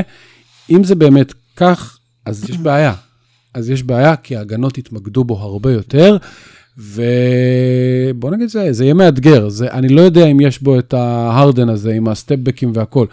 אה, יש לו שחרור כדור מהיר בצורה יוצאת דופן, והוא תמיד יעשה סלים, אבל אה, כשכל ההגנות מרוכזות בך, ואין לך בטח לא דו- דורנט ובטח לא קליי לידך, אני חושב שיהיה לו הרבה יותר קשה, ולא יודע, אני תשמע, קצת אבל- סקפטי עם העונת MVP. אבל גם ב-2016, כל כן. ההגנות היו מרוכזות בו, והבן אדם עשה עונת MVP. של 30 נקודות. נכון, היו לידו שחקנים, אני מסכים איתך, עדיין ההגנות היו מרוכזות בו. שיש, שאתה הקלה הכי טוב בהיסטוריה, וזה מאוד נחמד שיש לידך אחד מהטופ חמש האחרים בהיסטוריה, אז זה עוזר, כן? לא, תשמע, כשאין לידך, אז נראה, זאת אומרת, אני מסכים איתך, לא- אני מסכים איתך אני לא שזה בונה על בעייתי אה, שאין רובינסון שחקנים. השלישי, או משה, הרביעי, או אני תבחר. מסכים איתך שאין, כש- כשאין לך לידך שחקנים משמעותיים הרבה יותר קשה, אבל בכל זאת סטף קרי בשנים האחרונות הוא פאניקה של הגנות. אתה רואה איך הוא מקבל דאבל טימים בהתקפה מתפרצת שיש שחקן מתחת לסל לבד, והוא על החצי. נכון. ההגנות מתרכזות בו, כמה עוד הם יוכלו להתרכז, לשלוח את כל החמישייה לשמור עליו? לא, אבל הם יכולים לשלוח את השחקן של דורנט גם עליו, וגם את השחקן של קליי בסדר, עליו. אבל אתה שוכח שקרי הוא שחקן לא אנוכי. אתה שוכח שיש לך המון אינטליגנציה אה, מהצד של קר, שידע לנצל יתרונות. הם לא יעמידו את קוון לוני לזרוק שלשות, הם לא יעמידו את ווילי קאוליסטיין, הם, הם ידעו לשלוח את השחקנים למקומות הנכונים, הם ידעו לבנות שיטת משחק, זה לא יהיה אותה שיטה, זה לא יהיה אותה הגנה. יש לך את רון אדמס, שהוא גם כן אחד העוזרים היותר מוערכים בליגה. הוא שחקן אדיר, הוא יעשה עונה טובה, אני הייתי קונה יותר defensive player of the year של דריימונד מאשר אה, MVP של אה, קרי. דרך אגב, לא נראה לי, אבל לא משנה. אני- זו שאלה איזה מוטיבציה יש לדריימונד. המון, כל הזמן. לא אני, אני. אני הייתי, אתה לא ראית אותו בפתיחת העונה הקודמת. אה, טוב. אה, אני הייתי חושב שכן, אבל בר- מרגע שהוא קיבל את החוזה החדש, אני כבר לא יודע לאן זה הולך. זה אפילו לא כזה חוזה גדול, יחסית לשחקן. אה, אולי דווקא בגלל זה, כאילו, אתה יודע, לבוא... בסדר, אבל זה לא ישנה את החוזה. תראה, קודם כל גולדן סטייט, נדבר, דיברנו על קרי, אני חושב שגולדן סטייט מחכות לנו בכל משחק 12 דקות של שדיאנג'לו ראסל מריץ פיק אנד רולים עם ווילי קאוליסטיין. זה יהיה 12 דקות המנוחה של קרי, דיאנג'לו יריץ פיק אנד רולים עד המוות עם ווילי קאוליסטיין, ושניהם יהיו מאוד מאוד טובים בזה, וזה משהו, אגב, מבחינת עומק, שבשנים קודמות לא לא היה לווריורס, וזה עוד אופציית קליעה שתחזיק אותם אה, בעצם בדקות שבהן קרי ינוח, בטח עד שקליי אה, יחזור, אז זאת כבר דרך טובה להביא את קאוליסטיין, אגב, לדעתי קוון יפתח שם בחמישייה. אה, וגם אה, מעניין אותי מאוד מה הם יעשו עם עומרי ספלמן. כי הוא הגיע מאטלנטה, שלאטלנטה יש, אה, פתחו שם מיני סניף של גולדן סטייט עודפים, אה, מבחינת ההנהלת צוות מקצועי, כך שכנראה שהווריורס ראו שם משהו שאחרים לא. ואם באמת האיש הזה יתפתח לאיזה סוג של stretch אה, גבוה, ויוכלו לשחק איתו לצד דריימון גרין למשל, יכול להיות שאנחנו רואים פה איזשהו שחקן שיבליח קדימה. בסדר, אתה צריך לשאול גם למה אטלנטה ויתרו עליו כל כך בקלות וכל כך בזול, אז... אה, שוב, כי לאטלנטה יכול להיות שיש עכשיו... אותם את, אנשים שהיו אה, בגולדן סטייט לפני שלוש שנים, אז... כן, שוב, אני, אני, אני נותן לכם מספיק קרדיט אה, לווריורס שלא יעשו צעדים שטותיים, ושכשהם מביאים שחקן, הם יודעים מה הם עושים. אה, אגב, קרי לא רק ברמה של ה-FU, הוא, הוא קרי נהיה השחקן הכי מבוגר בגולדן סטייט. ויש בזה משהו מן האחריות של עכשיו אני הולך להראות לכולם, ואני הולך להוביל בדוגמה אישית. את כולם, כולל את דריימון גרין, אה, אה, ואנחנו נראה לכולם, כמו שהראינו בשנה שעברה, אמנם עם יותר כוח אש ויותר ניסיון, אחרי שדורנט נפצע, כולם היו בטוחים שיתרסקו, אז גם השנה אנשים בטוחים שיתרסקו, ורק זה לבדו ידחוף לדעתי את גולדן סטייט לאזור 46 ניצחונות. זה, תשמע, זה היה אה, קיץ מדהים של ההנהלה של גולדן סטייט, אחד הכי טובים בנסיבות אולי הכי קשות. אה, איך על דורנט שעזב, הם הוציאו אולסטאר, אני לא יודע, עשו שם מהלכים אה, לא ברורים, שאותו דיאנג'לו ראסל יכול, לא יודע מה, אם בפברואר הם רואים שיש איזה סיכוי לאליפות, אפשר לתת אותו בשביל משהו שיכול לעזור להם יותר, כי הוא לא בדיוק משתלב עם קרי וקליי לטווח ארוך. אה, איך קווין לוני, קוון? קוון? לוני? איך הוא מקבל אה, 15 מיליון לשלוש עונות ודדמון עושה את זה בעונה אחת? אני לא מבין. הוא שחקן יותר טוב מהרבה מאוד סנטרים. הוא וקאוליסטן ביחד מקבלים פחות נכון. מדוויין דדמון. אז כאילו, עשו דברים מאוד כמו יפים. דניאל טייס. בדיוק. הם, בדיוק. הם, הם, הם עשו דברים מאוד מאוד יפים בנסיבות לא פשוטות בכלל, וכן, אני לא בונה על איזה, אתה יודע, איזה מקום רביעי במערב, כי, כי קליי יחזור רק בפברואר, וכל מיני כאלה דברים, אבל זה יהיה עונה שלדעתי יחזור להם קצת הכיף, ובטח לך. אני כרגע עסוק בלסכם את, אה, את, ה, את מה שעבר על, על, עלינו בשנים האחרונות. שתי אליפויות הביא לך. פרויקט כתבות אגב. תודה. הביא לך שתי אה, אליפויות, מה אתה רוצה מהבן אדם? גמר חוזה, מה יש? דורן? כן. אנחנו הבאנו לו, אתה מתכוון. גם. אה, אני, אה, מי שלא יודע, אני ב- ב- באתר הזווית, אה, עכשיו אה, אה, עשיתי סדרת כתבות על גולדן סטייט, אה, על איך בנו אותם, על ההחלטות הניהוליות, אה, כתבה אה, תשיעית תפורסם השבוע, חלק תשע. אה, מתוך עשר, אז אה, קרוב להיגמר, אז עכשיו שווה לה- להשקיע. עשית ממש 360 באתר הזווית. טוב, אה, כרגע 300. אני- אני אצא מפה. טוב, יאללה, over under, 47 וחצי. אה, שוב, תלוי קליי, אם קליי יחזור בינואר, כיוון 49, אם קליי יחזור בפברואר, אה, בואכה אולסטאר, ולדעתי הם יהיו זהירים איתו אחרי מה שעבר בשנה שעברה. אני רואה 46 ניצחונות, מקום שישי, כן, מקום 6, 7, 45, ואף אחד לא רוצה לפגוש 46, 47. ואף אחד לא רוצה לפגוש אותם בסיבוב הראשון בפלייאוף. זה יהיה מנת חלקה של איזה, בוא נגיד אם זה יהיה לייקר, זה יהיה מאוד מעניין. כן. טוב, אני... יאללה, 74 וחצי. 74 וחצי. בטח, זה- צריך לשבור שיא, יש שיא. כן. לא, אה, ש- 47, אני אני חושב איך שהם... עושים אני- וחצי? אני כן חושב שהם יעשו אה, 50, הם מפסיקים את המשחק באמצע. 51... אה, זה לא טכני, הפסד? אני אני כן חושב שהם יגיעו ל-51 ניצחונות, הם עשו את זה לפני, אה, וואו. עונה לפני, ולדעתי, אני לא רואה אותם עשו נופלים. את זה עונה לפני שהיה להם את איגואדלה וליבינגסטון ואני לא לא. יודע מה. ו- עונה לפני שהיה להם את ליבינגסטון. אז היה להם. דברים אחרים. עם מרק ג'קסון, 51. וואלה, היה להם את הריסון בארנס, אתה קולט? זה שחקן שמאז עשה 100 מיליון בדאלאס ועכשיו חתם על עוד 90 מיליון בסקרמנטו, זה שחקן היסטורי. כל זה בלי טוב. לקלוע סל חשוב יאללה, אחד. אה, משה, אה, אנחנו- בוא נעבור על השאלות. אריק ספרן, אה, איך ועד כמה ישפיע המעבר של גולדן סטייט לעולם חדש? שאלה קצת... אה, אמ, ישפיע בעיקר על הכיס של האוהדים, אני חושב. כן, הם אבל, עוברים מה- כן, ניתן להם מוטיבציה. שוב, זאת, זאת עונה של... אה, חיפשנו דרכים לתת מוטיבציה מחדש לסטף ולדריימונד, מצאנו. טוב, אני לא, אני לא יודע כמה זה ישפיע, אני חושב שבסופו של דבר מעבר לסן פרנסיסקו מאוקלנד, אה, אני חושב שאוקלנד היא, היא, בסופ, היא, היא אומנם עיר אה, קטנה וזניחה לעומת. סן אנטוניו, אפרורית, אבל בתור עיר ספורט אני... אני שום אני, דבר אני, לא זניח לעומת סן אנטוניו, אגב. סן פרנסיסקו אמרתי. יצא לך בוריס ילצין. טל נחום שואל, כשמסתכלים על הרוטציה של הווריורס דבר אחד קופץ מהמסך והוא הדילול בעמדות ה front court. איך לדעתכם הווריורס הולכים להתמודד עם הגבוהים של הליגה השנה? אמ, למה דילול? אה, ווילי קאולי סטיין? לוני? דריימונד? לא, לא נראה לי דילול מי יודע מה. תראה, אני כן. חושב שלוני, אה, באמת, גניבת, כאילו לקחת את לוני בחמישה מיליון. אחרי מה שראינו שהבן אדם מסוגל לעשות בפלייאוף, אני כן רואה את לוני קופץ השנה גם בהתקפה. ראינו כבר ניצוצות של זה בפלייאוף, היו לו ממש סטרצ'ים טובים של דקות בפלייאוף, שבהם הוא גם עשה סלים וניצל התמקדות של הגנות.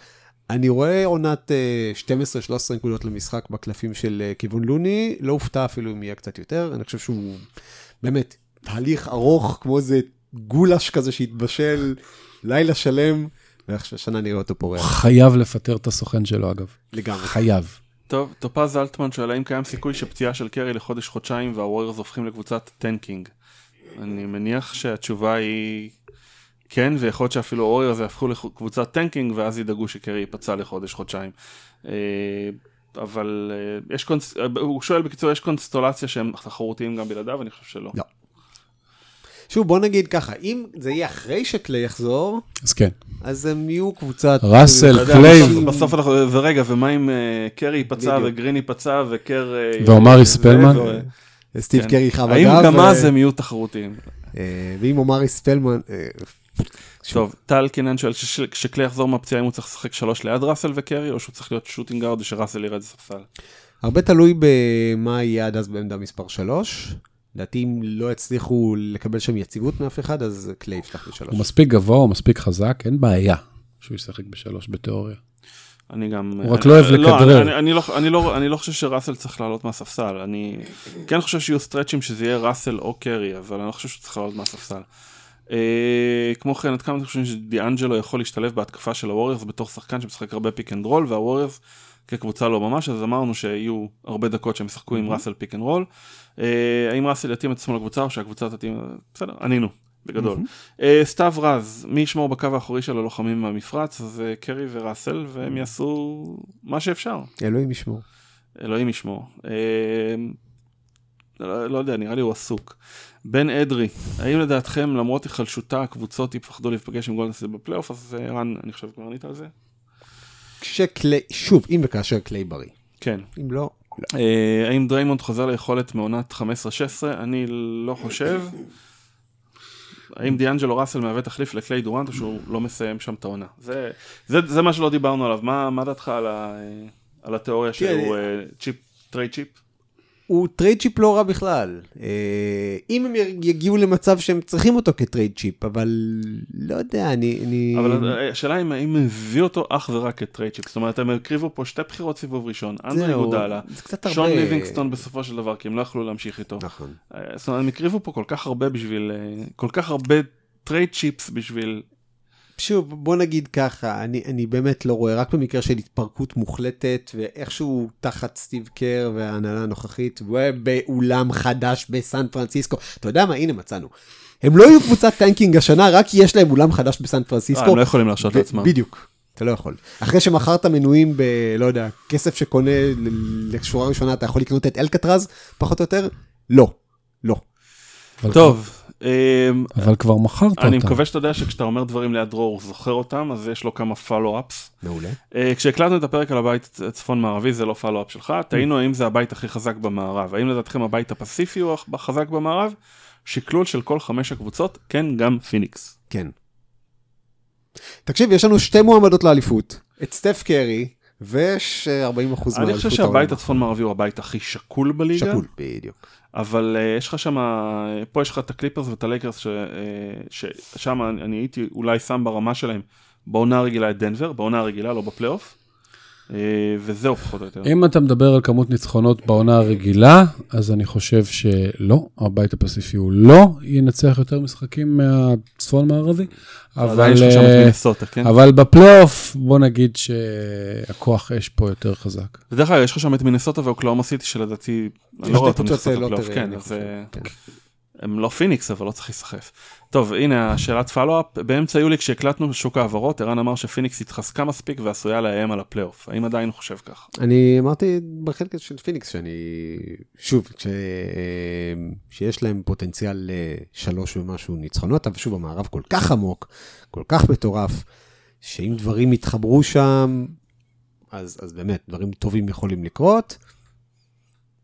שוב, לא יודע אם יאיימו על הפלייאוף, אבל, אבל אתה יודע, גם לשחק בתחילת מרס, אמצע מרס, משחקים משמעותיים, כשאתה מסיים את העונה עם 34 ניצחונות, זה גם משהו... בוא נגיד שאם. האוהדים שלהם בדצמבר לא יתחילו לראות מכללות כדי לדעת מי לבחור בדראפט, זה כבר התחלה טובה. בדיוק. אה, טוב יאללה נסיים בשאלות של גל בין רוב הקבוצות בבית תלויות בכוכב אחד או שניים איך פציעה משמעותית תשפיע על אחת מהם אז הייתי אומר תסתכל על האקרס של שנה שעברה. ותבין. אה, מרבית הקבוצות בבית היו פעילות מאוד בשוק ההעברות איזה העברה החתמה מחדש לא דיברו מספיק ותתגלה כגניבה לא כיוון לא דיברו עליה מלא. אני חושב שווילי קאוליסטיין כן. לא. במינימום זה גניבה. במינימום. במין- סבבה, שווה ארבע, שילמו לו שתיים, אני לא יודע, זה לא, לא, זה לא עשה לי את זה. הוא לא עושה שווה יותר זה. מארבע. זה היה שמור, לדעתי, ה spot הזה היה כל כך שמור לבוגי קזינס עד הפציעה שלו. כן. כל כך שמור לבוגי.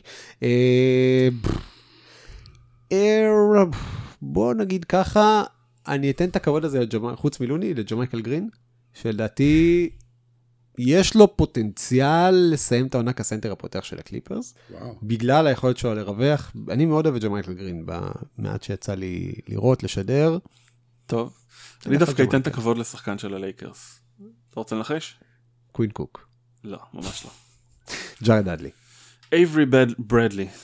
אה, אם, אם הוא, הוא ישחזר את מה שהוא עשה בחצי שנה האחרונה בממפיס, והוא טוען שהבעיות שלו בקליפרס לא היו קשורות לכושר או משהו כזה, אז יכולה להיות החתמה, החתמה מאוד משמעותית. מצד שני, יש מצב שאייברי ברדלי זה כמו אה, ברוס וויליס בחוש השישי, הוא כבר מת, הוא פשוט עוד לא יודע את זה. לא, הקריירה שלו, לא, לא פיזית. וגם הוא- יכול להיות שהוא פשוט... ספוילר לחוש השישי.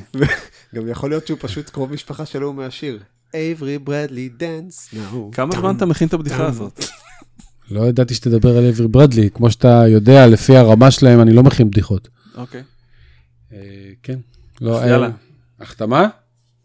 אם יש לך. אה, הייתי הולך דווקא על, אה, שלא דיברו עליה, על איירון בנס. לא יודע, מה- משהו בקשיחות בקבוצה, הקבוצה הרכרוכית, הבדיחה הזאת של הליגה, שתקבל טיפה עמוד שדרה. אה, הוא הראה את זה גם באליפות, כאילו, אוסטרלי, לא מתעסקים איתם. טוב, אה, תודה רבה ערן. תודה רבה, שמחתי סבי. לארח אותך, תודה רבה משה. פחות שמחת לארח אותי. שמחתי לארח גם אותך. היי, אה, אבל עברנו פוד שלם בלי בדיחת שואה. אתה- אתה רוצה להשלים? לא. טוב, יאללה, לילה טוב. לילה טוב, תבחרו נכון.